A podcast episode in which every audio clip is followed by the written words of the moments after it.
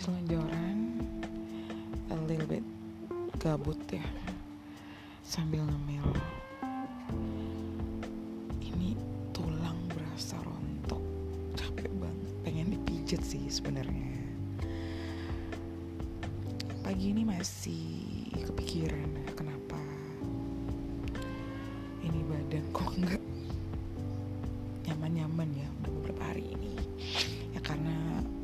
aku forcer terus. Gak diistirahatin ya jalan terus. Jadinya kayak berasa capeknya itu setelah beberapa hari setelah dari Bandung itu.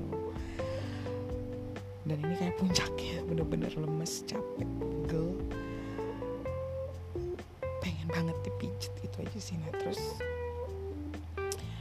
tentang podcast ini kenapa the purple intuition gitu karena ya selain aku suka ungu uh, lavender lilac lilac sama violet gitu-gitu.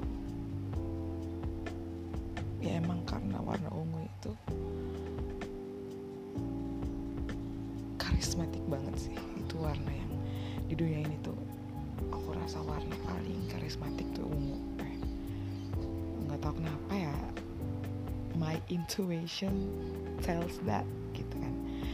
Nah, terus kenapa uh, purple intuition intuition? Aku tuh sering banget tertolong dengan intuisi gitu loh. Aku latih intuisi aku.